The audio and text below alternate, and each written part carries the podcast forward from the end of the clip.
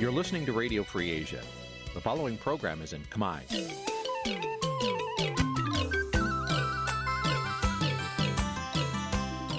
Nǐ chi càm bi tiệp xáy vệt chiu a zì sê ray នេះជាកម្មវិធីផ្សាយរបស់ Vithu Azisaray ជាភាសាខ្មែរ វត្តឈូអាស៊ីសេរីសូមស្វាគមន៍លោកអ្នកនាងទាំងអស់ពីរដ្ឋធានី Washington នៃសហរដ្ឋអាមេរិក បានពីរដ្ឋធានីវ៉ាស៊ីនតោនខ្ញុំបាទសនចាររថាសូមជម្រាបសួរលោកអ្នកនាងអ្នកស្ដាប់វិទ្យុអាស៊ីសេរីទាំងអស់ជាទីមេត្រី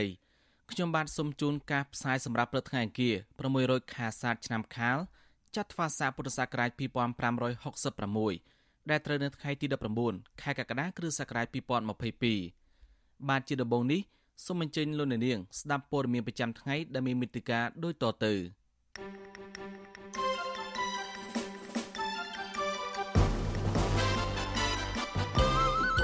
អ្នកនាំពាក្យក្រសួងការបរទេសកម្ពុជាអះអាងថាប្រេសិតពិសេសអាស៊ាននឹងជួបពិគ្រោះយោបល់ជាមួយតួអង្គពាក់ព័ន្ធភូមាតាមដែលធ្វើទៅបានមន្ត្រីគណៈបកភ្លើនទៀនដែលជាជនរងគ្រោះពីក្រុមដែលដល់ព្រួតវីនៅក្រុងភ្នំពេញទាមទាររយុទ្ធធរមេធាវីកញ្ញាសេងធារីត្រៀមស្នើសុំតុលាការផ្លាស់ប្តូរពន្ធនាគារពលករខ្មែរធ្វើការសំណងនៅប្រទេសថៃគ្មានលុយទិញម្ហូប ដោយសារតែការថៃមកបាប្រាក់ខែឲ្យជិត2ខែរួមនឹងព័ត៌មានផ្សេងៗមួយចំនួនទៀត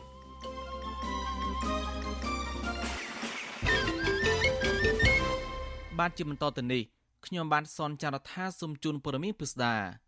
អ្នកនាំពាក្យក្រសួងការបរទេសកម្ពុជាអាងថាប្រេសិទ្ធពិសេសអាស៊ានស្ដីពីបញ្ហាមីយ៉ាន់ម៉ានឹងជួបពិគ្រោះយោបល់ជាជំហានជំហានជាមួយទៅអង្គពាក់ព័ន្ធភូមិជាច្រើនតាមដែលធ្វើទៅបានប្រតិកម្មនេះ កើតមានឡើងគណៈរដ្ឋក្រុមសមាជិកសភាអាស៊ានដើម្បីសិទ្ធិមនុស្សអំពីវនីជាថ្មីទៀតដល់ប្រេសិទ្ធពិសេសអាស៊ានឲ្យជួបជាមួយតំណាងរដ្ឋាភិបាលរួមរំជាតិភូមិ NUG បានពីរដ្ឋធានីវ៉ាស៊ីនតោនលោកមេរិតរាយការណ៍ព័ត៌មាននេះអ្នកនាំពាក្យក្រសួងការបរទេសកម្ពុជា លោកជុំសន្តិរីឆ្លើយតបយ៉ាងដូចនេះទៅនឹងសំណួររបស់ Visual Asia សេរីតាមបណ្ដាញសង្គម Telegram ដើម្បីសំប្រតិកម្មជុំវិញការអំពាវនាវសារជាថ្មីរបស់ក្រុមសមាជិកសភាអាស៊ានដើម្បីសិទ្ធិមនុស្សហៅកាត់ថា APHR កាលពីថ្ងៃទី18ខែកក្កដាម្សិលមិញលោកជុំសន្តិរីពន្យល់ថាក្នុងពេលទស្សនកិច្ចការងារលើកទី2របស់ប្រេសិតពិសេសអាស៊ានស្ដីពីបញ្ហាមីយ៉ាន់ម៉ាទៅកាន់ប្រទេសមីយ៉ាន់ម៉ាឬភូមាកាលពីពេលថ្មីថ្មីនេះលោកប្រាក់សុខុនបានជួបជាមួយតំណាងក្រុមកងកម្លាំងប្រដាប់អាវុធជនជាតិដើមភាគតិច និងតំណាងគណៈបណ្ឌនយោបាយនៅភូមាចំនួន7លោកថាប្រេសិតពិសេសរបស់អាស៊ាននឹងបន្តពីគ្រោះយោបល់ជាជំហានជំហាន ជាមួយតួអង្គពាក់ព័ន្ធជាច្រើន តាមដែលអាចធ្វើទៅបានក៏ប៉ុន្តែលោកថាការធ្វើដូច្នេះក៏ពុំចាំបាច់តម្រូវឲ្យកម្ពុជាត្រូវតែប្រកាសឲ្យគេឯងដឹងគ្រប់ពេលអំពីដំណើរវិវត្តឬក៏ថាប្រិសិទ្ធពិសេសរបស់អាស៊ានជួបពីគ្រោះយោបល់ជាមួយនឹងភាគីណា ដោយរបៀបណា នៅពេលណា ឬនៅកន្លែងណា ដែលតួអង្គទាំងនោះដើរតួនាទីសំខាន់សម្រាប់កិច្ចសន្ទនានយោបាយនៅភូមិនោះឡើយលោកថាការចរចាភាគច្រើនធ្វើឡើងតាមរបៀបដែលមិនសម្ញែងឲ្យគេដឹងប្រសិនបើមិនធ្វើឡើងដោយសម្ងាត់នោះប្រតិកម្មនេះកើតមានឡើងក្រោយពេលអតីតតំណាងរាស្ត្រហ្វីលីពីននិងជាសមាជិកគណៈកម្មាធិការនយោបាយនៃក្រុមសមាជិកសភាអាស៊ានដើម្បីសិទ្ធិមនុស្ស APHR លោក Tom Villarin ថ្លែងក្នុងសេចក្តីថ្លែងការណ៍របស់ APHR ផ្សាយកាលពីថ្ងៃទី18ខែកក្កដាថាពលរដ្ឋភូមិភាគច្រើនចាត់ទុកថារដ្ឋាភិបាលរួបរวมជាតិឬ NUG គឺជារដ្ឋាភិបាលស្របច្បាប់របស់ពួកគេ ដែលសហគមន៍អន្តរជាតិជារួមនិងសមាគមអាស៊ានជាពិសេសគួរតែធ្វើដូច្នេះដែរលោក Tom Villarin បន្តថាប្រសិនបើលោកប្រាក់សុខុន ពិតជាគិតគូរពិតប្រាកដអំពីការអនុវត្តកិច្ចព្រមព្រៀងជាឯកច្ឆន្ទ5ចំណុចរបស់អាស៊ានមែននោះនោះលោកប្រាក់សុខុនគួរតែជួបពិគ្រោះយោបល់ជាសាធារណៈជាមួយតំណាងរដ្ឋាភិបាលរួមរួមជាតិភូមា ជាជាងរដ្ឋបិទខ្លួនឯងដោយជួបតែជាមួយតំណាងរបបសឹកខុសច្បាប់ឆ្លើយតបទៅនឹងការលើកឡើងនេះលោកជុំសន្តិរីពន្យល់ថាចំណុចមួយនៃអាណត្តិដែលត្រូវបានប្រគល់ជូនដល់ប្រេសិតពិសេសពីសំណាក់ក្រុមមេដឹកនាំអាស៊ាន តាមរយៈកិច្ចព្រមព្រៀងជាឯកច្ឆន្ទ5ចំណុចគឺត្រូវជួបជាមួយគ្រប់ភាគីពាក់ព័ន្ធទាំងអស់ដើម្បីអនុញ្ញាតឲ្យមានការចាប់ផ្ដើមនៅដំណើរការកិច្ចសន្ទនានយោបាយលោកថាគោលបំណងនៃដំណើរការនយោបាយនេះគឺដើម្បីនាំប្រទេសមីយ៉ាន់ម៉ាឲ្យវិលត្រឡប់មករកភាពប្រក្រតីឡើងវិញ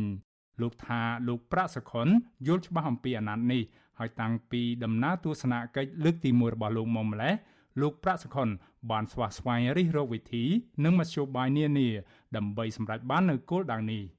ប្រិស័ទពិសេសរបស់អាស៊ានស្ដីពីមីយ៉ាន់ម៉ាលោកប្រាក់សុខុនបានបញ្ចប់ដំណើរទស្សនកិច្ចការងារជាលើកទី2របស់លោក កាលពីដើមខែកក្កដានេះក្នុងនាមជាប្រិស័ទពិសេសអាស៊ាន ស្ដីពីបញ្ហាមីយ៉ាន់ម៉ាក៏ប៉ុន្តែ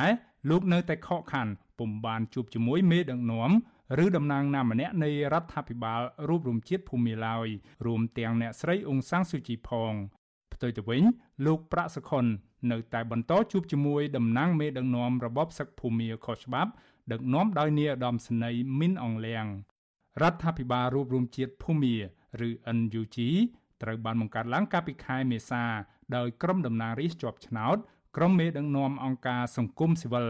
និងតំណាងជនជាតិដើមភាគតិចនៅភូមា ដើម្បីប្រឆាំងទៅនឹងរបបសឹកភូមា ដែលបានធ្វើរដ្ឋប្រហារដណ្ដើមអំណាចដោយខុសច្បាប់ កាលពីដើមខែកុម្ភៈឆ្នាំ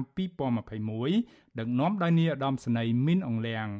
ចាប់តាំងពីមានអំពើរដ្ឋប្រហារនេះមនុស្សយ៉ាងហោចណាស់ជាង2000នាក់ត្រូវបានសម្លាប់ដោយក្រុមយោធាភូមាខណៈមនុស្សជាង10000នាក់ត្រូវបានរបបសឹកចាប់ដាក់គុកជាអ្នកទោសនយោបាយទន្ទឹមនឹងនេះពលរដ្ឋភូមាជាង1លាននាក់ បានបង្ខំចិត្តផ្លាស់ទីលំនៅនៅក្នុងប្រទេសរបស់ពួកគេ ដើម្បីគេចចេញពីអំពើហិង្សានានាលោកនាយករដ្ឋមន្ត្រីហ៊ុនសែនគឺជាមេដឹកនាំតែម្នាក់គត់នៅលើពិភពលោក ដែលបានទៅជួបមេដឹកនាំរបបសឹកភូមាខុសច្បាប់មុនគេក្រោយការធ្វើរដ្ឋប្រហារនៅក្នុងប្រទេសនេះកម្ពុជាក្នុងនាមជាប្រធានបដូវវេនអាស៊ានឆ្នាំ2022កំពុងរងនឹងការរិះគន់ថាព្យាយាមឲ្យតម្លៃ និងទទួលស្គាល់របបសឹកភូមាខុសច្បាប់ពេញមុខពេញមាត់នឹងធ្វើឲ្យរបបនេះអាចបន្តអំណាចខុសច្បាប់បានយូរអង្វែងតទៅមុខទៀតដោយតាមការចង់បាន របស់ប្រទេសកុម្មុយនីសចិន ដែលជាសម្ព័ន្ធមិត្តរបស់ក្រមយោធាភូមាខ្ញុំបានមេរិត Visual C ស្រីរាយការណ៍ពីរដ្ឋធានី Washington បានលោកនៅនាងជាទីមត្រីរដ្ឋបាលខាត់ស្វែងរៀងចូលរួមពិធីប្រគល់នឹងទទួលអត្តធិធកងទ័ពវៀតណាមដែលបានពាក់លីនៅសម័យសង្គ្រាមនៅកម្ពុជា ចន្លោះចុងឆ្នាំ1978ដល់ឆ្នាំ1989នៅចំណុចច្រកទ្វារព្រំដែនអន្តរជាតិព្រៃវរប៊ិញហៀមខេត្តឡុងអានប្រទេសវៀតណាមថ្ងៃទី18ខែកក្កដាម្សិលមិញក្រុមការងារសហការរបស់ខេត្តទាំងពីរស្វ័យរៀងឡុងអានបានរកឃើញនឹងកោះអត្តធិធកងទ័ពវៀតណាមដែលបានពាក់លីនៅសម័យសង្គ្រាមនៅកម្ពុជាក្នុងទឹកដីខេត្តស្វាយរៀងចំនួន5អត្តធិធហើយបានបញ្ជូនទៅប្រទេសវៀតណាមវិញកាលពីថ្ងៃច័ន្ទម្សិលមិញប្រទេសកម្ពុជានិងវៀតណាម ធ្លាប់បានចុះកិច្ចសហប្រតិបត្តិការជាមួយគ្នាអំពីការរករោគប្រមូលហើយបញ្ជូនអត្តធិធយុទ្ធជនវៀតណាមនិងអ្នកជំនាញវៀតណាមដែលបានពលីនៅក្នុងសង្គ្រាមនៅកម្ពុជាត្រឡប់ទៅប្រទេសវៀតណាមវិញទល់មកគណៈកម្មការឯកទេសទទួលបន្ទុកភារកិច្ចរករោគប្រមូលអត្តធិធយុទ្ធជនពលីតែរៀបចំពិធីប្រគល់ទទួលកំណត់ហេតុសហប្រតិបត្តិការដែលបានចុះទៅលេខរវាងគណៈកម្មការឯកទេសរបស់វៀតណាមជាមួយគណៈកម្មការឯកទេសរបស់កម្ពុជា អំពីការរករោគប្រមូលនិងធ្វើមេត្តាភូមិនិវត្តអត្តធិធយុទ្ធជនវៀតណាម និងអ្នកជំនាញវៀតណាមដែលបានពលីក្នុងសង្គ្រាមនៅកម្ពុជាហើយបានប្រកល់ថវិកាចំនួន52,000ដុល្លារអាមេរិកដល់គណៈកម្មការឯកទេសរបស់កម្ពុជានៅក្នុងការរៀបចំសកម្មភាពឃោសនាចលនាកងកម្លាំងនិងប្រជាជនផ្ដល់ព័ត៌មានអំពីធ្នូយុទ្ធជនពលីហើយចូលរួមសហការរករកប្រមុខអន្តរជាតិយុទ្ធជនពលី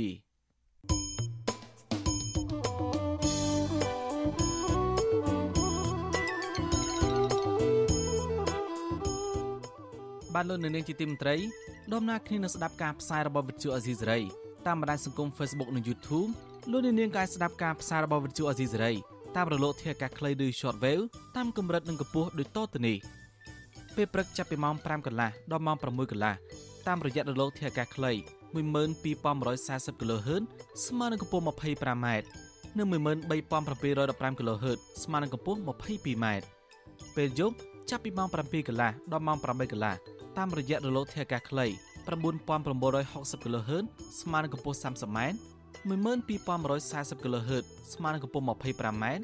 និង11885 kHz ស្មើនឹងកម្ពស់ 25m បាទសូមអរគុណ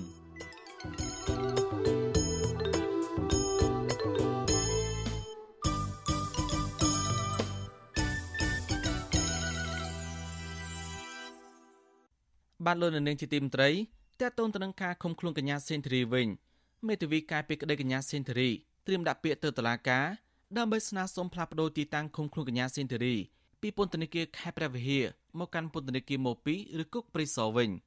មន្ត្រីពន្ធនាគារថានៅពិនិត្យមើលលើសំណើសុំផ្លាស់ប្តូរពន្ធនាគារនេះប្រសិនបើស្ថានភាពទូទៅបង្ហាញថាមិនមានផលប៉ះពាល់លើសណ្ដាប់ធ្នាប់សង្គមទេមន្ត្រីអង្គការសង្គមស៊ីវិលជំរុញឲ្យតុលាការបញ្ជូនកញ្ញាស៊ីនធារីទៅកាន់រាជធានីភ្នំពេញវិញ ដោយសារការឃុំខ្លួននៅឆ្ងាយបែបនេះជាការពង្រត់កញ្ញាស៊ីនធារីពីក្រុមគ្រួសារនិងមេធាវីបាទពីរដ្ឋធានីវ៉ាស៊ីនតោនលោកលេម៉ាលីរាយការណ៍ព័ត៌មាននេះអស់រយៈពេលជាង1ខែហើយដែលតុលាការរាជធានីភ្នំពេញបញ្ជូនខ្លួនកញ្ញាសេងធីរីទៅឃុំនៅពន្ធនាគារខេត្តព្រះវិហារជំនួសឲ្យពន្ធនាគារនៅភ្នំពេញក្រោមហេតុផលថាដើម្បីបញ្ជៀសភាពអសន្តិសុខប្រសិនបើមានក្រុមបាតកោមកតវ៉ាឲ្យដោះលែងកញ្ញា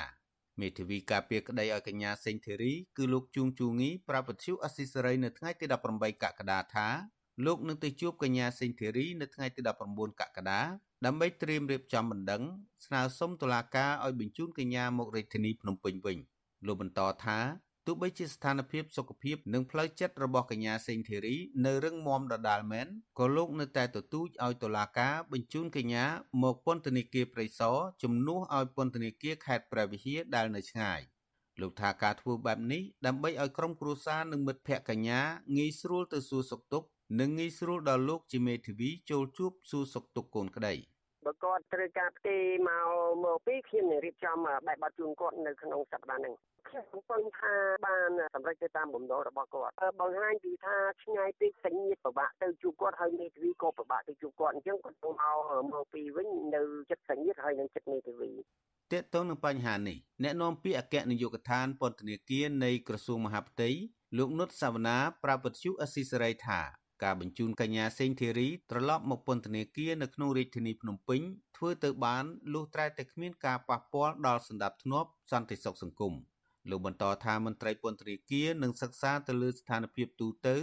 ដើម្បីរកបញ្ហាប្រឈមណាមួយដែលអាចកើតឡើងប្រសិនបើកញ្ញាសេងធីរីត្រូវបានបញ្ជូនមកកាន់ពន្ធនាគារព្រៃសរវិញមន្ត្រីពន្ធនាគាររូបនេះធ្លាប់ប្រាប់ពធ្យុអស៊ីសេរីកាលពីពេលកន្លងទៅថា តុលាការសម្រេចបញ្ជូនកញ្ញាសេងធីរីទៅឃុំខ្លួននៅពន្ធនាគារខេត្តព្រះវិហារគឺដើម្បីការពារសុវត្ថិភាពសន្តិភាពសន្តិសុខរបស់កញ្ញានិងពន្ធនាគារលោកថាការធ្វើបែបនេះគឺដើម្បីបង្ការខ្លាចក្រុមបាតកោមកតវ៉ាទាមទារដោះលែងកញ្ញាសេងធីរីនិងដើម្បីកុំឲ្យប៉ះពាល់ដល់អ្នកជាប់ឃុំដទៃទៀត គាត់មានសិទ្ធិស្នើប៉ុន្តែយើងនឹងសិក្សាពីសំណើរបស់គាត់បើសិនជាយើងសិក្សាមើលទៅស្ថានភាពវាអាចល្អជាងមុនហើយវាតម្លៃទៅយើងអាចយកគាត់ត្រឡប់មកវិញបានអានឹងយើងនឹងយកគាត់ត្រឡប់មកវិញប៉ុន្តែបើសិនជាវាតម្លៃទៅវានៅតែប្រឈមនឹងបញ្ហាហ្នឹងនឹងយើងទុកគាត់នៅនឹងដដែល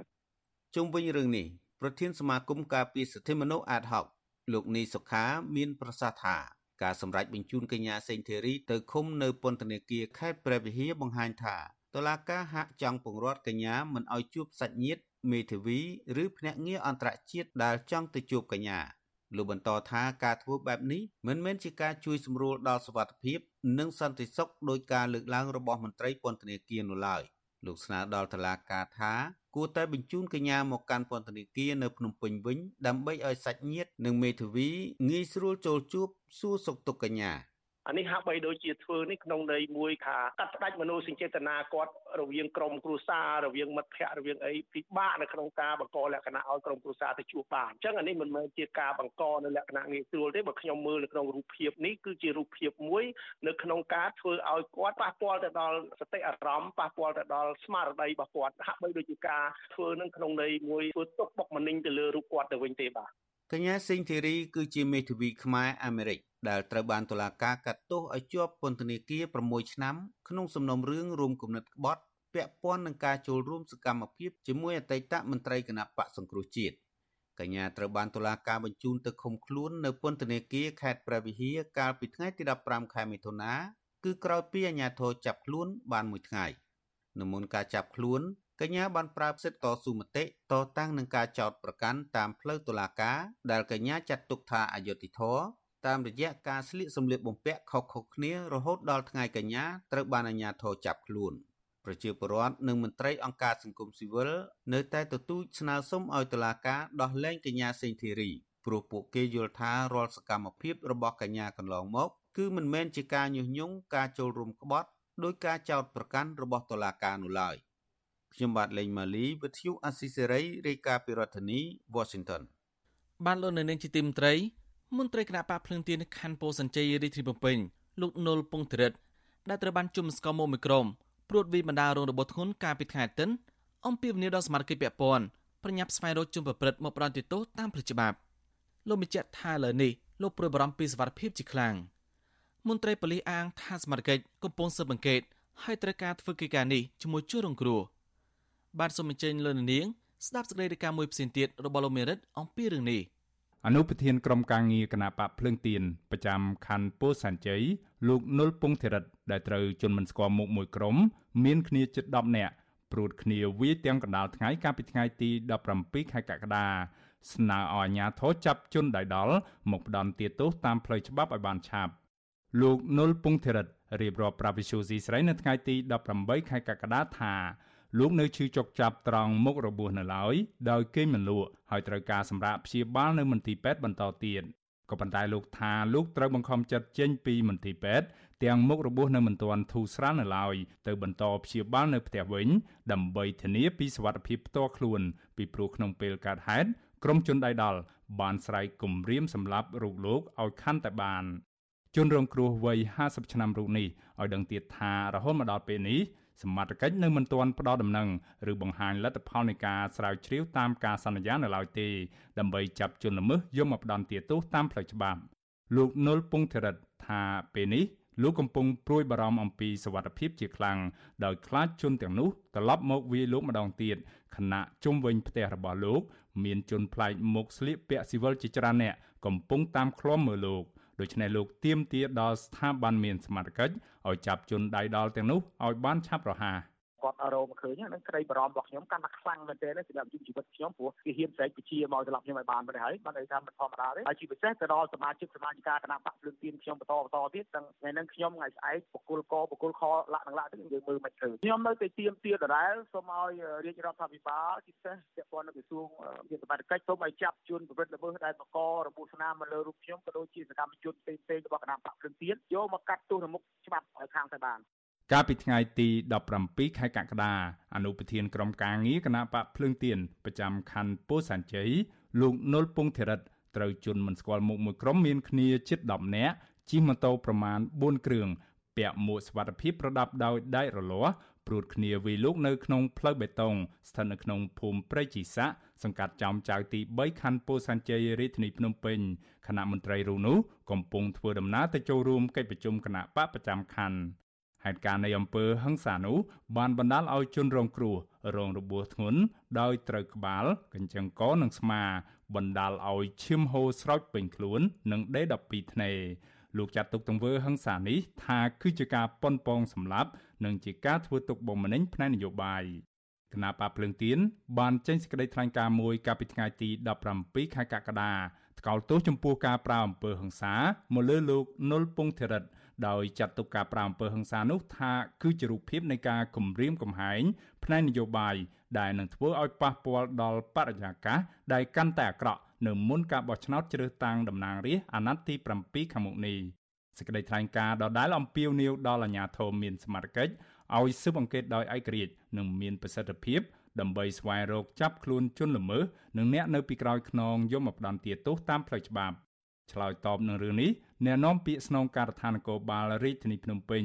លោកសានសុកសីហាប្រាប់វិសុវស៊ីស្រីថាសមត្ថកិច្ចបានទទួលពាក្យបណ្ដឹងរបស់ជនរងគ្រោះរួចហើយក៏ប៉ុន្តែលោកថាខាងលោកត្រូវការកិច្ចសហការពីជនរងគ្រោះ លោកសានសុកសីហាស្នើដល់ជនរងគ្រោះនិងអ្នកសារព័ត៌មានកុំឲ្យលើកឡើងករណីហិង្សាលើសកម្មជននយោបាយកន្លងមកមកផ្សារភ្ជាប់ទៅនឹងរឿងនយោបាយដែលលោកអះអាងថានគរបាលយុតិធធ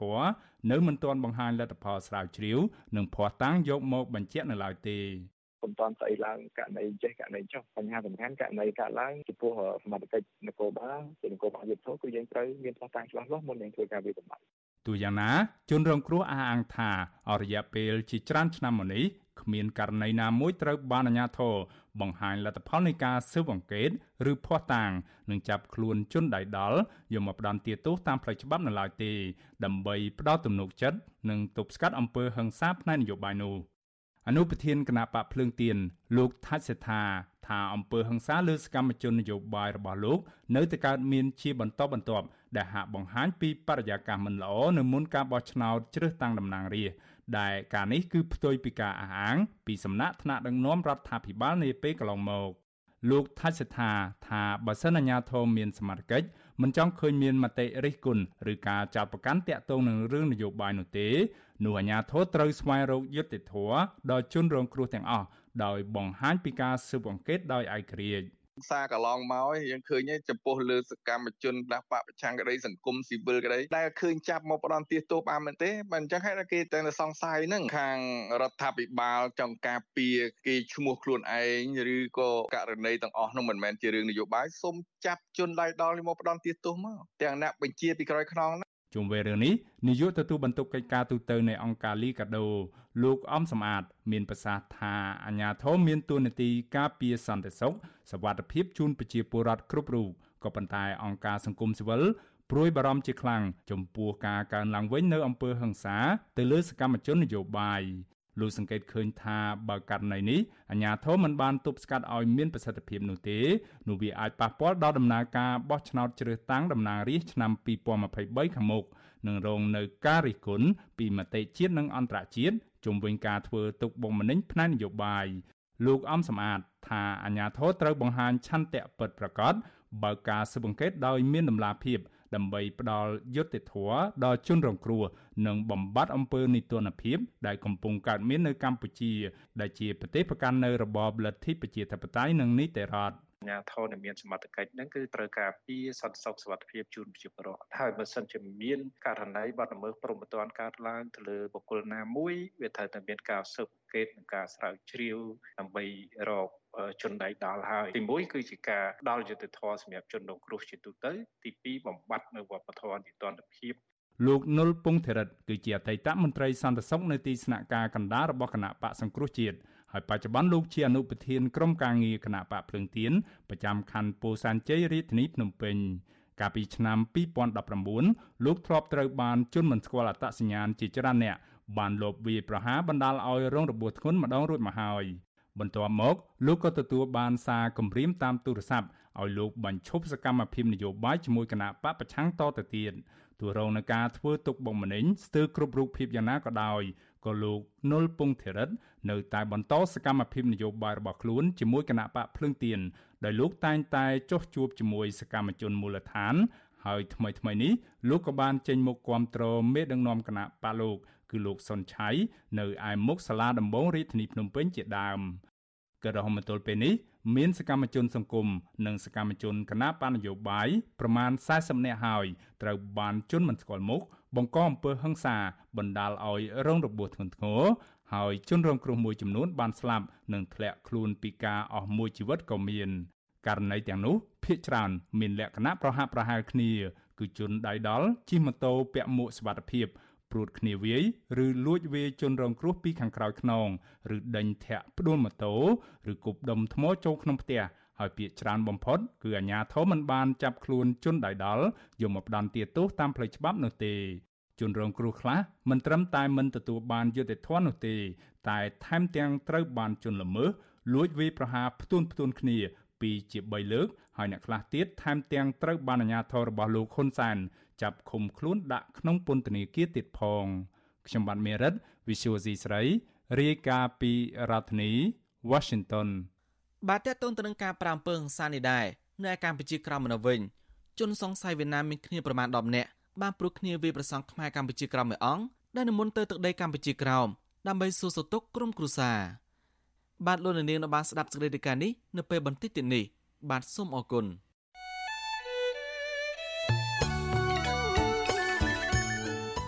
បាទលោកនាងជាទីមត្រីនៅក្នុងឱកាសនេះដែរខ្ញុំបាទសូមថ្លែងអំណរគុណដល់លោកនាងកញ្ញាទាំងអស់ ដែលតែងតែមានភក្ដីភាពចំពោះការផ្សាយរបស់យើងហើយចាត់ទុកការស្ដាប់វិទ្យុអាស៊ីសេរីជាផ្នែកមួយនៃសកម្មភាពប្រចាំថ្ងៃរបស់លោកនាងការគ្រប់គ្រងរបស់លោកនាងនេះហើយដែលធ្វើឲ្យយើងខ្ញុំមានទឹកចិត្តកាន់តែខ្លាំងបន្ថែមទៀតនៅក្នុងការស្វែងរកនិងផ្តល់ព័ត៌មានជូនលោកនាងមានអ្នកស្ដាប់អ្នកទស្សនាកាន់តែច្រើនកាន់តែធ្វើឲ្យយើងខ្ញុំមានភាពស្វាហាប់មោះមុតជាបន្តទៅទៀតយើងខ្ញុំសូមអរគុណទុកជាមុនហើយសូមអញ្ជើញលោកនាង ចូលរួមជំរុញសកម្មភាពផ្តល់ព័ត៌មានរបស់យើងនេះកាន់តែជោគជ័យបន្ថែមទៀតលោកអ្នកនាងអាចជួយយើងខ្ញុំបានដោយគ្រាន់តែចុចចែករំលែកឬ Share ការផ្សាយរបស់យើងនៅលើបណ្ដាញសង្គម Facebook និង YouTube ទៅកាន់មិត្តភ័ក្តិដើម្បីឲ្យការផ្សាយរបស់យើងបានទៅដល់មនុស្សកាន់តែច្រើន បាទសូមអរគុណ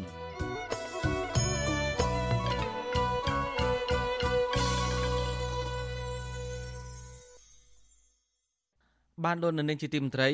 ពលករខ្មែរច្រើនអ្នកធ្វើការសំណង់នៅប្រទេសថៃមានជីវភាពលំបាកហើយខ្វះម្ហូបអាហារហូបចុកបន្ទាប់ពីតកែមកបាប្រាក់ខែជិត2ខែមកហើយ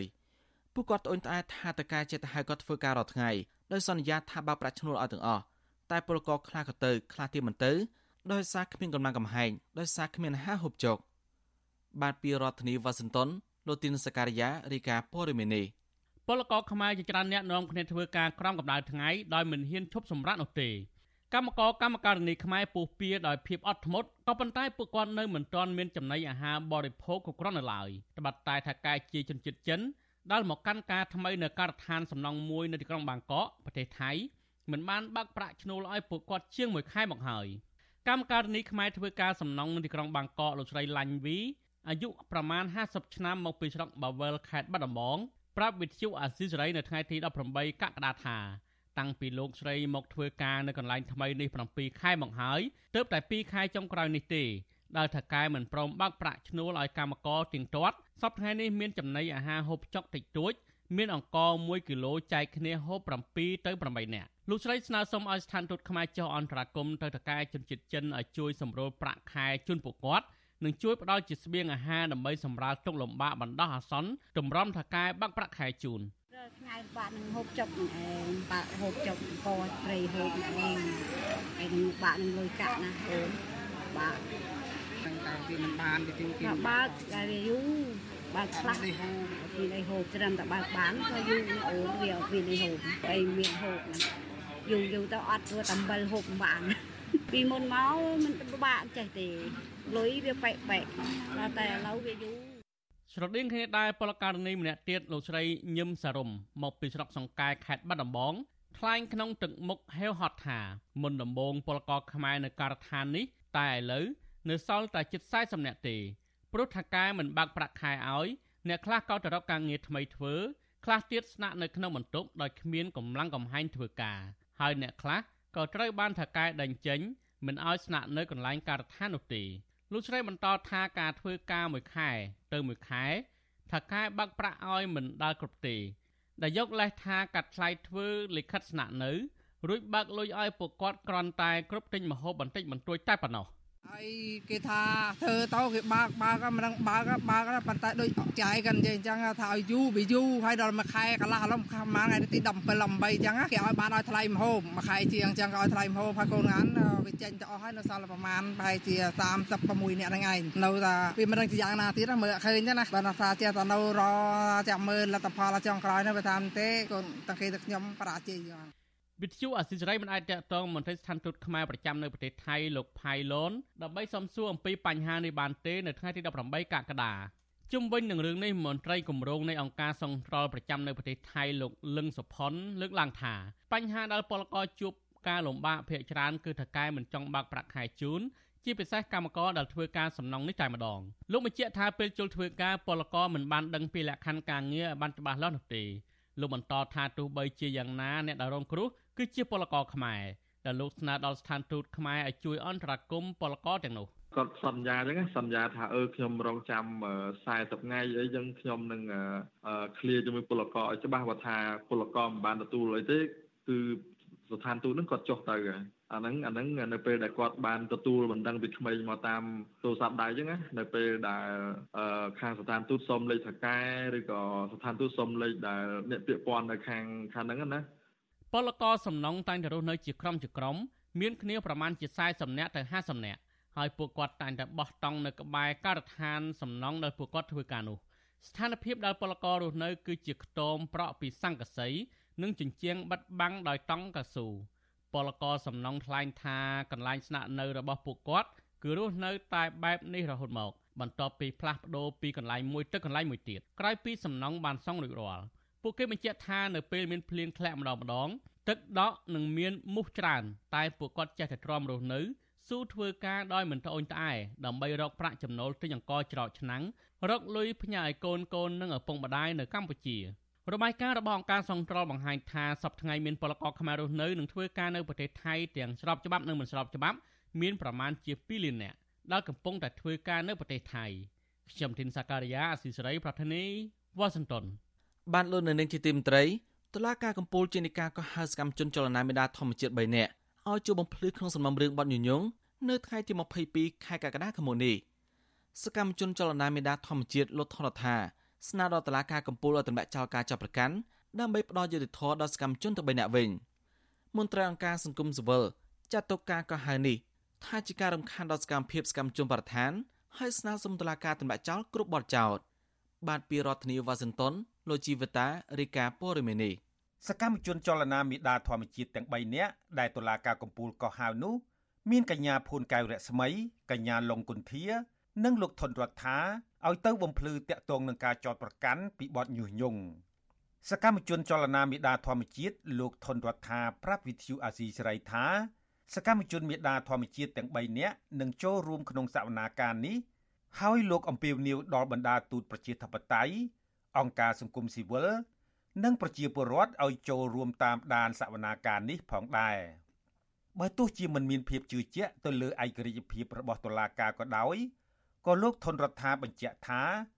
លោកនៅតែសង្ឃឹមថាតុលាការកំពូលនឹងផ្ដល់យុត្តិធម៌ដល់រូបលោកនិងសកម្មជនមេដាធម្មជាតិដទៃទៀតព្រោះសកម្មភាពដែលក្រុមរបស់លោកបានធ្វើកន្លងទៅ គឺមានគោលបំណងបង្ហាញតែការពិតទាក់ទងនឹងបញ្ហាបរិស្ថាននិងធនធានធម្មជាតិ ហើយស្នើសុំដំណោះស្រាយពីរដ្ឋាភិបាលតែប៉ុណ្ណោះសកម្មភាពរបស់ពួកយើងនឹងគួរតែត្រូវបានលើកទឹកចិត្តគួរតែត្រូវបានផ្ដល់ពានរង្វាន់កោតសរដើម្បីឲ្យយុវជនដទៃនេះយកគំរូតាមក្នុងការរួមចំណែកការពារទៅលើធនធានធម្មជាតិដែលច្បាប់បានចែងទឹកច្បាប់យើងច្បាប់រដ្ឋធម្មនុញ្ញច្បាប់ស្ដីពីព្រៃឈើក៏ចែងឲ្យប្រជាពលរដ្ឋចូលរួមក្នុងកិច្ចការពារទៅលើធនធានធម្មជាតិ មេធាវីការពារក្តីឲ្យក្រមចលនាមេដាធម្មជាតិលោកសំចម្រើនបដិសេធមិនបញ្ចេញយោបល់អំពីដីកាកោះហៅឲ្យចូលសវនាការនេះទេទោះជាយ៉ាងណា លោករំពឹងថាតុលាការកំពូលនឹងទម្លាក់បទចោទប្រកាន់លើកូនក្តីរបស់លោកព្រោះសវនាការនេះជាដំណើរការកាត់ក្តីជាលើកចុងក្រោយ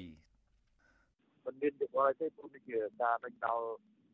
វាសវនាការលើកចុងក្រោយនេះគឺស្ដីហ្នឹងហើយដើម្បី ស្វែងរកយុទ្ធសាស្ត្ររឿងហ្នឹងណាហ្នឹងហើយអ្នកនាំពាក្យសមាគមអាត6លោកសង្សានករណាប្រាប់វិទ្យុអាស៊ីសេរីថាអង្គការសង្គមស៊ីវិលតែងតែចូលរួមសវនាការរបស់សកម្មជនមេដាធម្មជាតិហើយលើកនេះ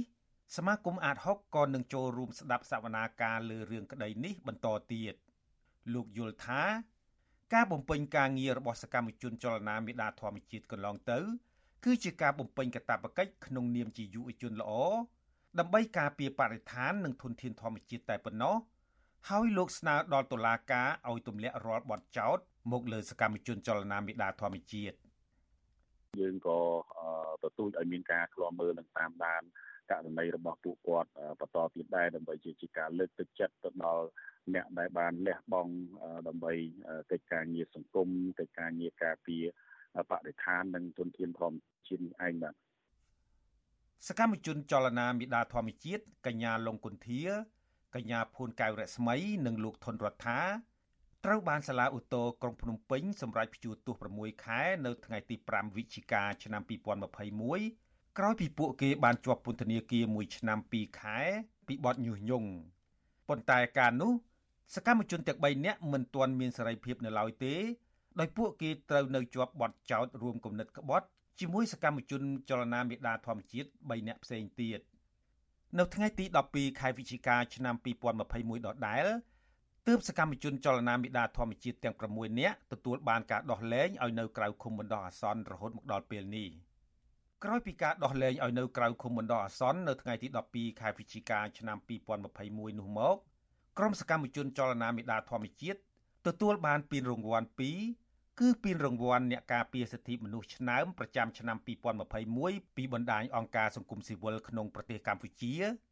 និងមួយទៀតគឺជាពានរង្វាន់អ្នកការពារជួរមុខពីអង្គការ Frontline Defender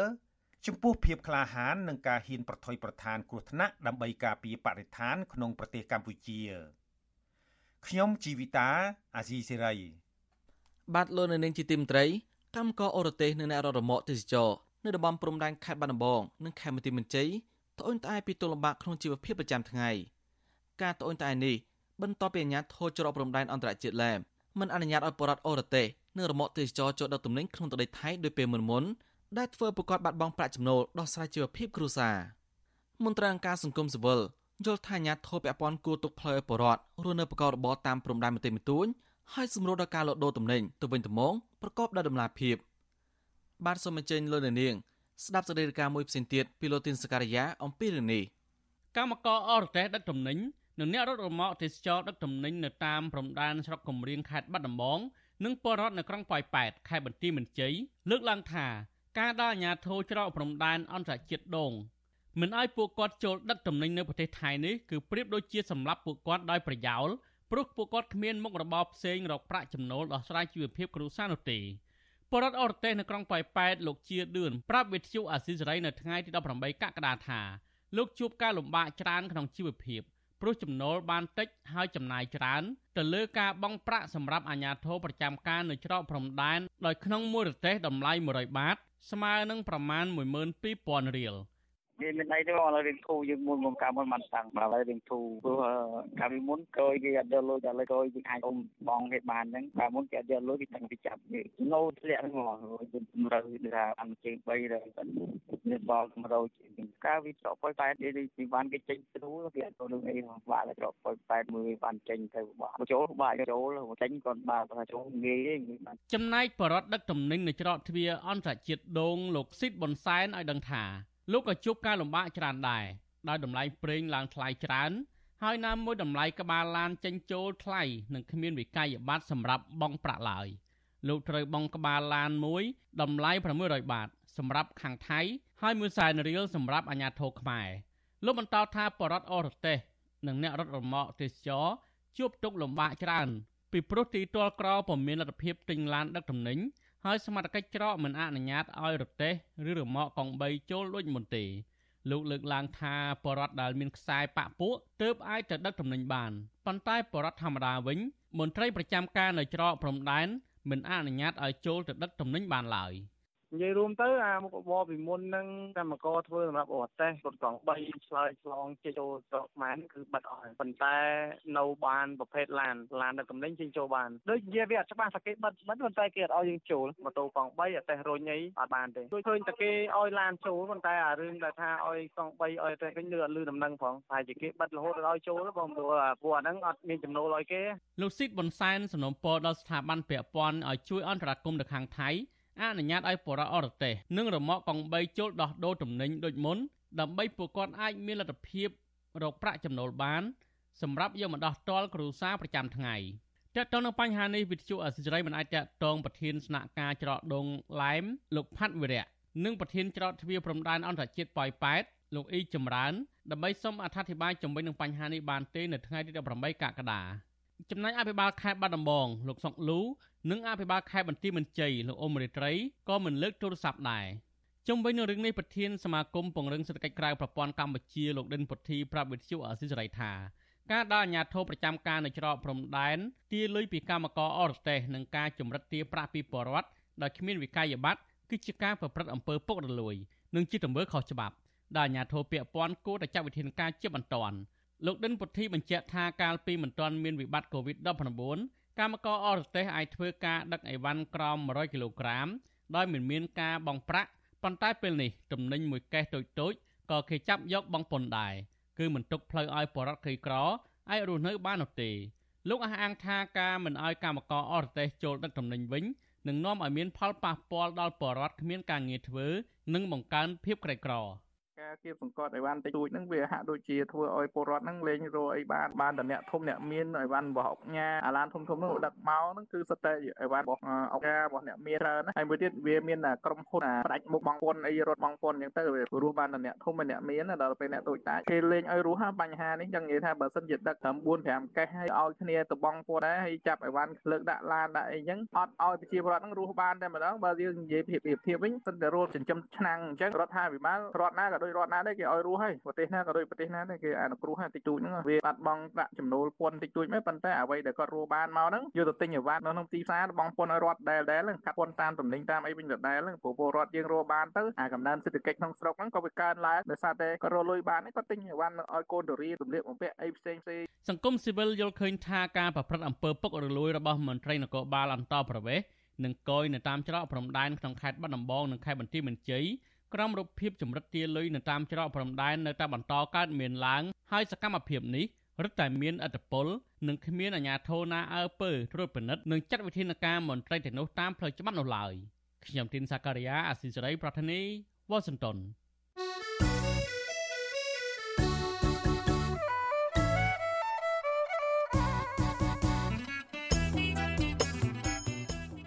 បាទលោកនៅនាងជាទីមត្រី ក្រៅពីតាមដានកម្មវិធីផ្សាយរបស់វិទ្យុអាស៊ីសេរីតាមបណ្ដាញសង្គម Facebook YouTube Telegram លោកនាងក៏អាចតាមដានកម្មវិធីផ្សាយរបស់យើងតាមបណ្ដាញសង្គម Instagram របស់វិទ្យុអាស៊ីសេរីតាមរយៈតំណ link instagram.com/ofa ខ្មែរវិទ្យុអាស៊ីសេរីបន្តខិតខំផ្សព្វផ្សាយព័ត៌មានពិតទៅកាន់បងប្អូនតាមរយៈបណ្ដាញសង្គមផ្សេងៗនិងសម្បូរបែបដើម្បីឲ្យលោកនាងងាយស្រួលតាមដានការផ្សាយរបស់វិទ្យុអាស៊ីសេរីគ្រប់ពេលវេលានិងគ្រប់ទីកន្លែងតាមរយៈទូរស័ព្ទដៃរបស់លោកនាងបាទសូមអរគុណ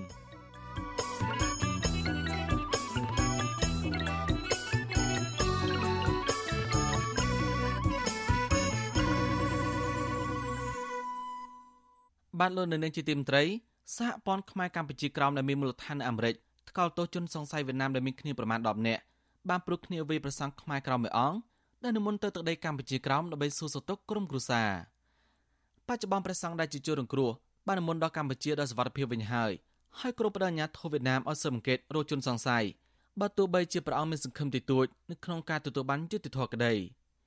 បានពីរដ្ឋធានីវ៉ាស៊ីនតោនលោកយុនសាមៀនរាយការណ៍ព័ត៌មាននេះ ព្រះអង្គសឺនទីជាជនរងគ្រោះនៃអំពើពួនលបវាយប្រហារពីសំណាក់ជនជាតិវៀតណាម សង្ស័យថាអាញាធរវៀតណាមនៅខេត្តឃ្លៀងជាអ្នកបើកដៃឲ្យជនជាតិវៀតណាមមានគ្នាប្រមាណ10នាក់ព្រួតគ្នាវាយព្រះអង្គឲ្យមានរបួសធ្ងន់រហូតដល់ផុងលលាប្រកេះនិងមានស្នាមជួមជុំវិញខ្លួននឹងដៃព្រះអង្គសឺនទីបាននិមន្តទៅខេត្តឃ្លៀងកម្ពុជាក្រោមកាលពីថ្ងៃទី3កក្កដា និងបន្តគង់ជួបជុំគ្រួសារនិងធ្វើបុណ្យតាមវត្តមួយចំនួន រហូតដល់ល្ងាចម៉ោងប្រមាណ8យប់ថ្ងៃទី12កក្កដាទើបធ្វើដំណើរទៅជិះរថយន្តឈ្នួលមកកម្ពុជាវិញប៉ុន្តែព្រះអង្គទៅមិនទាន់ដល់ចំណតរថយន្តឈ្នួលផងក៏មានជនជាតិវៀតណាមនាំគ្នាយកទុយោទឹកវាយសំពងលើព្រះអង្គតែម្ដងព្រះអង្គសឺនទីសង្ស័យថាអាញាធរវៀតណាមសងសឹកព្រះអង្គដោយសារតែព្រះអង្គប្រើបណ្ដាញសង្គមបង្ហោះព័ត៌មានខ្លះ ពាក់ព័ន្ធរឿងប្រវត្តិសាស្ត្រនិងការរំលោភសិទ្ធិខ្មែរកម្ពុជាក្រោមអានេះការគម្រាមកំហែងដើម្បីឲ្យកុំឲ្យតវ៉ាឬមួយ share ទៅ Facebook ដែលពាក់ព័ន្ធនឹងខ្មែរកម្ពុជាក្រមដែលអាញាធិបតេយ្យវៀតណាមហ្នឹងគេគៀបសង្កត់ហ្នឹងជាងទៅថាគេមិនអោយយើងធ្វើជាងទៀតអានឹងកិច្ចការគេមិនជិញនេះអើប៉ុន្តែសកម្មភាពដែលគេធ្វើហ្នឹងដើម្បីគម្រាមកំហែងយើងខាងហ្នឹងដែលទី1ទី2គេមិនចង់ឲ្យយើង ទៅណាដើម្បីថាមានរឿងរ៉ាវដល់ដល់គេអញ្ចឹងអាញាធរវៀតណាមនៅខេត្តឃ្លៀងមិនទាន់បង្ហាញលទ្ធផលនៃការស៊ើបអង្កេតការវាយប្រហារលើព្រះសង្ឃខ្មែរកម្ពុជាក្រោមនៅឡើយទេរហូតដល់ថ្ងៃទី18កក្កដាប៉ុន្តែអះអាងថាករណីហិង្សានេះអាចជារឿងគំនុំផ្ទាល់ខ្លួននេះមិនមែនជាលើកទី1ដែលអាញាធរវៀតណាមធ្វើទុកបុកម្នេញព្រះអង្គសឺនទីទេ កាលពីដើមឆ្នាំ2020អាញាធរវៀតណាមនៅខេត្តឃ្លៀងក៏បានដកហូតលិខិតឆ្លងដែនខ្មែររបស់ព្រះអង្គក្រោយពេលព្រះអង្គបានទៅលេងស្រុកកំណើតមួយសប្តាហ៍អាញាធរវៀតណាមបានចោទព្រះអង្គថាបានចែករំលែកសារតាមរយៈបណ្ដាញសង្គម Facebook ស្ដីពីបញ្ហារំលោភសិទ្ធិពលរដ្ឋខ្មែរក្រោមដែលកំពុងរស់នៅលើទឹកដីកំណើតរបស់ខ្លួនវៀតណាមបានចាត់ទុកការផ្សព្វផ្សាយនេះថាជាទង្វើខុសច្បាប់និងប្រមានឲ្យព្រះអង្គបង់ប្រាក់ពិន័យជាង1000ដុល្លារទោះ បីជាយ៉ាងណាវៀតណាមសុកចិត្តប្រគល់លិខិតឆ្លងដែនឲ្យព្រះអង្គស៊ើនទីវិញក្រោយមានកិច្ចអន្តរាគមន៍ពីក្រសួងការបរទេសកម្ពុជាព្រះអង្គសឿនទីបដិញ្ញាចិត្តថាព្រះអង្គនឹងវិលត្រឡប់ទៅដាក់ពាក្យបណ្ដឹងនៅកម្ពុជាក្រោមវិញដើម្បីទាមទារយុត្តិធម៌ទោះបីព្រះអង្គមានសង្ឃឹមទទួលបានយុត្តិធម៌តិចតួចក្តីដើម្បីកុំឲ្យវៀតណាមអាចសម្លុតបំភ័យខ្មែរក្រោមមិនឲ្យហ៊ានទៅលេងស្រុកកំណើតដើម្បីជួបជុំសាច់ញាតិ មកកាន់សូមអំពាវនាវដល់អាជ្ញាធរវៀតណាមជាពិសេសខាងបងប្អូនខ្មែរកម្ពុជានៅក្រៅនេះជួយតស៊ូមតិប្រាប់អន្តរជាតិនឹងថាខ្មែរក្រមទៅនឹងគេធ្វើបាបអញ្ចឹងហើយតើអាជ្ញាធរវៀតណាមនៅដោះសារតាមទៀតអញ្ចឹងទេថ្ងៃណាមួយខ្មែរក្រមផ្សេងទៀតមានរឿងលើសនឹកលើសពីនឹងគឺមើលដល់គ្រោះថ្នាក់ដល់ជីវិតអីហ្នឹងជាងតែអាជ្ញាតែងតែយល់លេ សថានឹងករណីបន្តខ្លួនអ្នកនឹងអ្នកនឹងគេគុំគួននឹងជាងទៅគេគេធ្វើបាបក៏ប៉ុន្តែជាក់ស្ដែងខាងអាជ្ញាធរវៀតណាមនឹងអ្នកគេរៀបចំខ្លួនឯងទេគេថាយើងមានគំនុំគុំគួនជាមួយអ្នកណាផ្សេងអញ្ចឹងទេមានតែបងឃើញនៅក្រៅប្រទេសដែលដឹងច្បាប់ទម្លាប់ហ្នឹងតតស៊ូខ្នាតអន្តរជាតិដើម្បីកុំឲ្យប្រទេសវៀតណាមធ្វើអញ្ចឹងទៀតពាក់ព័ន្ធទៅនឹងការប្រើប្រាស់អំពើហិង្សាវាយលើព្រះសង្ឃខ្មែរកម្ពុជាក្រោមនេះដែរ ប្រធាននាយកដ្ឋានព័ត៌មានសហព័ន្ធខ្មែរកម្ពុជាក្រោមព្រះភិក្ខុសឹងយើងរតនាថ្កោលទោសអាញាធរវៀតណាមដែលព្រះអង្គអះអាងថាជាអ្នកនៅពីក្រោយការវាយប្រហារព្រះសង្ឃខ្មែរក្រោមដែលនិមន្តទៅលេងស្រុកកំណើតព្រះអង្គអំពាវនាវឲ្យមានការស៊ើបអង្កេតនិងផ្ដល់យុត្តិធម៌ដល់ជនរងគ្រោះនៃអំពើហិង្សានេះបសហព័ន្ធខ្មែរកម្ពុជាក្រមសូមអំពាវនាវចំពោះអាជ្ញាធរវៀតណាមត្រូវតែគោរពសិទ្ធិចំពោះ ប្រសង់ខ្មែរក្រមសិទ្ធិចំពោះបរតខ្មែរក្រមដែលនិមន្តនិងអញ្ជើញទៅពីប្រទេសកម្ពុជាក្តីទៅពីក្រៅប្រទេសក្តីទៅភូមិស្រុកកំណើតរបស់ខ្លួននៅលើទឹកដីកម្ពុជាក្រមនឹងគឺអាជ្ញាធរវៀតណាមត្រូវមានភារកិច្ចការពារសវត្ថិភាពការពារនៅអំពើអហិង្សាទៅលើបរតខ្មែរក្រមទៅលើប្រសង់ខ្មែរក្រមដែលនិមន្តទៅពីក្រៅប្រទេសបប្រថាប្រសង់ ខ្មែរក្រមក្តីបរតខ្មែរក្រមក្តីជាម្ចាស់ស្រុកចិនជាតិដើមដូច្នេះហើយមានសិទ្ធិសេរីភាពគ្រប់គ្រាន់នៅក្នុងការនិមន្តនិងអញ្ជើញទៅស្រុកកំណើតរបស់ខ្លួននឹងបការប្រើប្រាស់អំពើហិង្សាវិប្រហារលើព្រះសង្ឃខ្មែរកម្ពុជាក្រោមនេះកើតឡើងស្របពេលដែលវៀតណាមកំពុងសុំធ្វើជាសមាជិកក្រុមប្រឹក្សាសិទ្ធិមនុស្សរបស់អង្គការសហប្រជាជាតិក្នុងរយៈពេល3ឆ្នាំពីឆ្នាំ2023ដល់ឆ្នាំ2025 វៀតណាមសន្យាថាប្រសិនបើប្រទេសនេះអាចក្លាយជាសមាជិកស្ថាប័នសិទ្ធិមនុស្សកម្ពុជានេះប្រទេសនេះនឹងលើកដំកើងធម្មនុញ្ញអង្គការសហប្រជាជាតិច្បាប់អន្តរជាតិនិងពង្រឹងស្ថាប័នក្រមប្រឹក្សាសិទ្ធិមនុស្សតាមរយៈកិច្ចសហការសន្ទនានិងការគោរពគ្នាទៅវិញទៅមក។ទោះបីជាយ៉ាងណាសហព័ន្ធខ្មែរកម្ពុជាក្រោមមិនមានជំនឿលើការសន្យានេះទេហើយសហព័ន្ធកំពុងធ្វើយុទ្ធនាការនៅលើឆាកអន្តរជាតិ ដើម្បីជំរុញឲ្យប្រទេសជាសមាជិកនៃអង្គការសហប្រជាជាតិកុំបោះឆ្នោតគាំទ្រវៀតណាម ជាសមាជិកក្រុមប្រឹក្សាសិទ្ធិមនុស្សខ្ញុំយុនសាមៀនវិទ្យុអាស៊ីសេរីប្រធានាធិបតី Washington thank you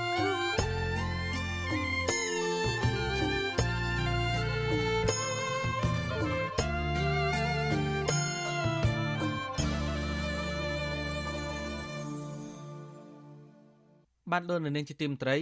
ថ្មីថ្មីនេះពជាកសិករនៅស្រុកមង្គលបុរីស្រុកស្វាយជែកនិងស្រុកភ្នំស្រុកខេមរៈមន្ជ័យត្អូញត្អែពីបញ្ហាគ្មានទឹកសម្រាប់ធ្វើស្រែប្រាំងបណ្ដាអាស្រ័យជិត10000ហិកតាងាប់ជាបន្តបន្ទាប់ស្របពេលដែលប្រកខ្លះបោះបង់ការងារធ្វើស្រែចម្ការដោយសារជីវភាពក្រីក្រហើយគ្មានទុនដាំដុះបានលោកសេមដិនរាយការណ៍ពីស្ដាមពីស្ថានភាពលំបាករបស់កសិករទៅនេះដូចតទៅរដូវកាលធ្វើកសិកម្មរបស់ប្រជាកសិករឈានចូលមកដល់ពួកគេអះអាងថា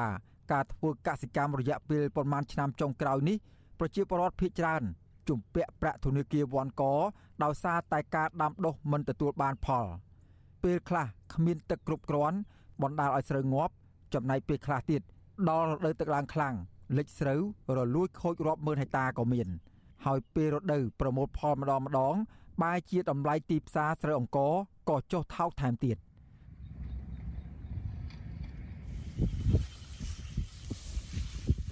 ប្រជាកសិករម្នាក់លោកហឿហេងនៅឃុំសឿស្រុកមង្គលបុរីប្រាប់បទសុអាស៊ីសេរីថា ការធ្វើស្រែរបស់លោកពេលបច្ចុប្បន្ននេះកំពុងជួបបញ្ហាអត់ទឹកព្រោះគ្មានភ្លៀងធ្លាក់គ្រប់គ្រាន់និងគ្មានប្រព័ន្ធទឹកដើម្បីបង្ហូរចូលស្រែឲ្យបានត្រឹមត្រូវបញ្ហានេះបណ្ដាលឲ្យស្រូវប្រាំងប្រឈមនឹងការខូចខាតជាច្រើនហិកតាលោកបន្តថា បើសិនជាអាជ្ញាធរពាក់ព័ន្ធមិនព្រមដោះស្រាយឲ្យបានលឿននោះទេប្រជាពលរដ្ឋនឹងជួបការលំបាកកាន់តែខ្លាំងខណៈដែលភ្លៀងក៏មិនមាន ហើយប្រជាកសិករមិនដឹងជាត្រូវពឹងអ្វីទៀតនោះទេលោកបន្តថាប្រសិនបើមានភ្លៀងធ្លាក់តិចតួចនឹងមានប្រព័ន្ធទឹកស្រោចស្រពខ្លះៗដោយកាលពីឆ្នាំមុនមុនប្រជាកសិករអាចសង្ឃឹមថាទទួលបានផលដើម្បីផ្គត់ផ្គង់ជីវភាពប៉ុន្តែបើដូចបច្ចុប្បន្ននេះគឺមិនសង្ឃឹមថានឹងទទួលបានផលអ្វីនោះឡើយ មានអីបើថាអត់ទឹកក៏មានអាវីទុកចូលលោទុកស្រូវចូលវាងើបអស់ហើយបើមានទឹកបើមានទឹកទៅយើងចេះតែកែកុនបាច់ជីផ្សំបាញ់ឆ្នាំឲ្យទៅគ្រាន់បានហូបខ្លះបើមានទឹកវាជួបឈោមខ្លាំងនេះបញ្ហារដ្ឋាភិបាលគេជួយមកឲ្យទឹកវាជាជនធ្វើស្រែបានធ្វើស្រែកើតនេះពលរដ្ឋម្នាក់ទៀតគឺលោកស្រីជុនបូរី រស់នៅភូមិផ្លូវដំរីឃុំសឿបានឲ្យដឹងថាបញ្ហាអត់ទឹកគឺជាបញ្ហាចម្បងដោយសារតែអាជ្ញាធររៀបចំប្រព័ន្ធទឹកជូនដល់ប្រជាកសិករមិនបានត្រឹមត្រូវដូច្នេះប្រជាពលរដ្ឋភ ieck ច្រើនធ្វើស្រែពឹងលើមេឃលោកស្រីបន្តថាមួយរយៈពេលនេះមានគ្រោះរាំងស្ងួតមិនដឹងធ្វើយ៉ាងណាទើបអាចបានទឹកបញ្ចូលខ្សែនោះទេលោកស្រីស្នើសុំឲ្យអាជ្ញាធរពាក់ព័ន្ធជួយដោះស្រាយបញ្ហាទាំងនោះ បើមិនដូច្នោះទេប្រជាពលរដ្ឋកាន់តែជួបការលំបាកលោកស្រីបន្តថាលោកស្រីមានដីស្រែប្រមាណ2ហិកតាប៉ុណ្ណោះហើយត្រូវជួបគ្រោះរាំងស្ងួតខូចខាតដោយសារតែទឹកថែមទៀតតាធ្វើមិនកើតបាក់ទឹកចិត្តបាក់ទឹកចិត្តតែមិនដឹងធ្វើម៉េចចេះតែធ្វើទៅបើមានស្រែតែប៉ុណ្ណេះបើយើងមិនធ្វើវាមិនកើតអើស្រែតិចតួចចេះតែធ្វើទៅកើតមិនកើតក៏មិនដឹងធ្វើម៉េចកើតក៏បានតែថាមិនកើតក៏អត់ប៉ុណ្ណោះហើយ រដ្ឋាភិបាលគេជួយមកឲ្យទឹកវាជាជនធ្វើស្រែបានធ្វើស្រែកើតនេះវិទ្យុអាស៊ីសេរីនៅពុំទាន់អាចសុំការបោះស្រាយពីប្រធានមន្ទីរធនធានទឹកនិងអូតូនិយមខេត្តបន្ទាយមានជ័យលោកយឹមប៊ុនអារំបាននៅឡើយទេ នៅថ្ងៃទី12និងទី13ខែកក្កដាដោយទូរស័ព្ទចូលតែពុំមានអ្នកទទួលចំណែកមេឃុំសឿស្រុកមង្គលបុរីលោកជាទី ប្រាប់វិទ្យុអាស៊ីសេរីយ៉ាងខ្លីថាឥឡូវនេះ មិនទាន់មានបញ្ហាអត់ទឹកប្រើប្រាស់ទៀតនោះទេដោយសារតែមានភ្លៀងមកជាហូរហែ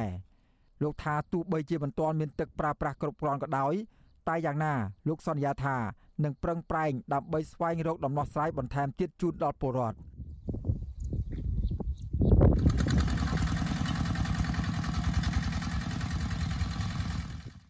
ដោយឡែកប្រជាពលរដ្ឋរស់នៅស្រុកស្វាយជែកឯនោះវិញពួកគាត់ត្អូញត្អែពីបញ្ហាប្រេងសាំងឡើងថ្លៃ បណ្ដាលឲ្យប្រជាពលរដ្ឋភ័យច្រើនបោះបង់ការធ្វើកសិកម្មដោយជ្រើសរើសការចំណាក់ស្រុកទៅប្រទេសថៃក្រោយពីធ្វើស្រែចម្ការជំពាក់បំណុលធនាគារកាន់តែច្រើនឡើងប្រជាកសិករម្នាក់គឺលោកភូជាតិប្រាប់បទសុអាស៊ីសេរីថាធ្វើត្បិតតែប្រជាពលរដ្ឋភ័យច្រើននៅក្នុងស្រុកនេះនិយមធ្វើកសិកម្មបែបប្រពៃណីមកជាយូរយារណាស់មកហើយក៏ដោយប៉ុន្តែប្រជាពលរដ្ឋភ័យច្រើនសម្រេចបោះបង់មុខរបរកសិកម្មដោយទុកដីទំនេរចោល ហើយខ្លះទៀតក៏ជួលឲ្យអ្នកផ្សេងធ្វើជំនួសព្រោះតែការចំណាយផ្សេងផ្សេងអស់ច្រើន ស្របពេលដែលក្រសួងពាក់ព័ន្ធជាពិសេសក្រសួងកសិកម្មមិនដែលអើពើជួយដោះស្រាយបញ្ហាជូនដល់ប្រជាពលរដ្ឋនេះណាកសិករគ្នាក៏ខឹមស្រែនេះដល់អំបានចេះដូចថារមែងលើកមុនចេះតែបានសំណំទៅដល់យូរយូរទៅគួយតែគួយតែធ្លាក់ចុះលើចុះឡើងស្រដៀងគ្នានេះដែរ លោកស្រីហំសុក នៅស្រុកភ្នំស្រុក បានឲ្យដឹងថា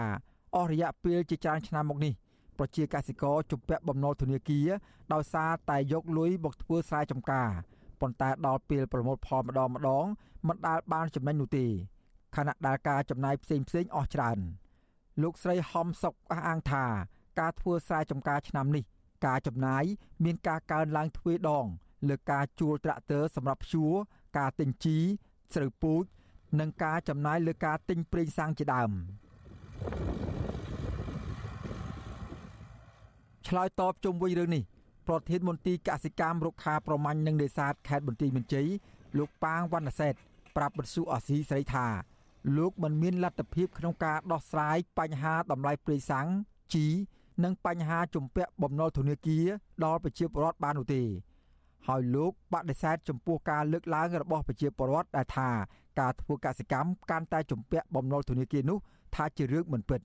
លោកបន្តថាមន្ត្រីក្រសួងកសិកម្មរុក្ខាប្រមាញ់និងនេសាទបានប្រឹងប្រែងឲ្យប្រជាពលរដ្ឋយល់ដឹងពីបច្ចេកទេសធ្វើកសិកម្មហើយប្រជាពលរដ្ឋទាំងនោះកាន់តែមានជីវភាពល្អប្រសើរជាងមុន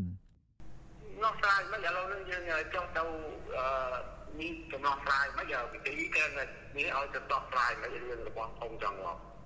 គ្រាន់តែជំរុញឲ្យគាត់ធ្វើស្រែណាហើយយើងរីការឬអីទៅខេត្តចឹងទៅហើយលក្ខណៈប្រកបប្រកបផលរបស់គាត់ហ្នឹងគឺគាត់កំពុងតែចាប់ដំណើរការល្អហើយបាទមកដល់ពេលនេះវា80ភាគភាគរយហើយហើយកុំទៅយកសម្លេងប្រជាជនពីរបីនាក់យកទៅចំណាយទីទៅខេត្តណា ពួកពលរដ្ឋឯងនេះគេទៅយកពីរបីនាក់ដែលយកតែលូប៉ះណាអ្នកអត់មានស្រែផងក៏មានដែរជុំវិញរឿងនេះប្រធានសម្ព័ន្ធសហគមន៍កសិករកម្ពុជា លោកថេងសាវឿនសង្កេតឃើញថាការប្រកបមុខរបរកសិកម្មរបស់កសិករនៅតែមានបញ្ហាចោទដដែលជាពិសេសបញ្ហាជីថ្នាំ និងប្រេងសាំងឡើងថ្លៃខណៈដែលបញ្ហាប្រព័ន្ធទឹក និងការគ្រប់គ្រងទឹក ដើម្បីសម្រួលដល់កសិករក៏នៅមិនទាន់មានដំណោះស្រាយជូនពលរដ្ឋឲ្យបានត្រឹមត្រូវនៅឡើយលោកមើលឃើញថាបញ្ហាទាំងនេះបណ្ដាលមកពីអាជ្ញាធរពាក់ព័ន្ធមិនមានឆន្ទៈដោះស្រាយជូនដល់ប្រជាកសិករនៅតាមមូលដ្ឋានពិតប្រាកដរដ្ឋត្រូវតែរៀបចំឲ្យមានប្រព័ន្ធនៃខ្សែសង្វាក់ទីផ្សារដោយមានការជជែកពីគ្រោះច្បល់ហើយក៏ជួយនៅទំទុនបំរុងណាមួយ សម្រាប់ជាកម្ចីឬក៏សម្រាប់អឺជាទុនក្នុងការឲ្យប្រជាពលរដ្ឋអាចទៅប្រើប្រាស់បានហើយ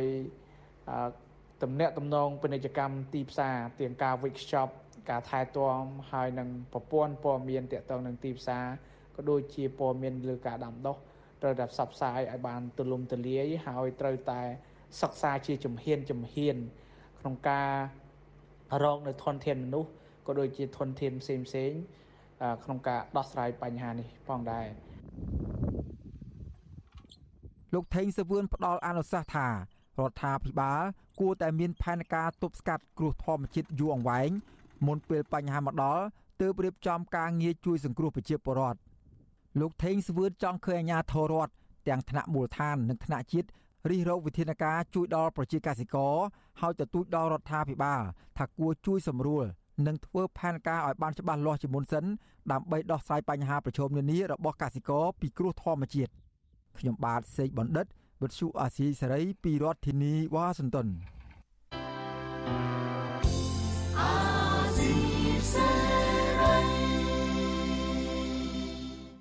បានលោកនាងកញ្ញាអ្នកស្ដាប់វិទ្យុអាស៊ីសេរីជាទីមេត្រីការផ្សាយរយៈពេល1ម៉ោងនៃវិទ្យុអាស៊ីសេរីនៅពេលនេះចប់តែប៉ុណ្ណេះយើងខ្ញុំសូមជូនពរដល់លោកនាងព្រមទាំងក្រុមគ្រួសារទាំងអស់ ឲ្យជួបប្រកបតែនឹងសេចក្តីសុខចម្រើនរុងរឿងកុំបីឃ្លៀងឃ្លាតឡើយខ្ញុំបាទសនចាររថាព្រមទាំងក្រុមការងារទាំងអស់នៃវិទ្យុអាស៊ីសេរីសូមអគុណនិងសូមជម្រាបលា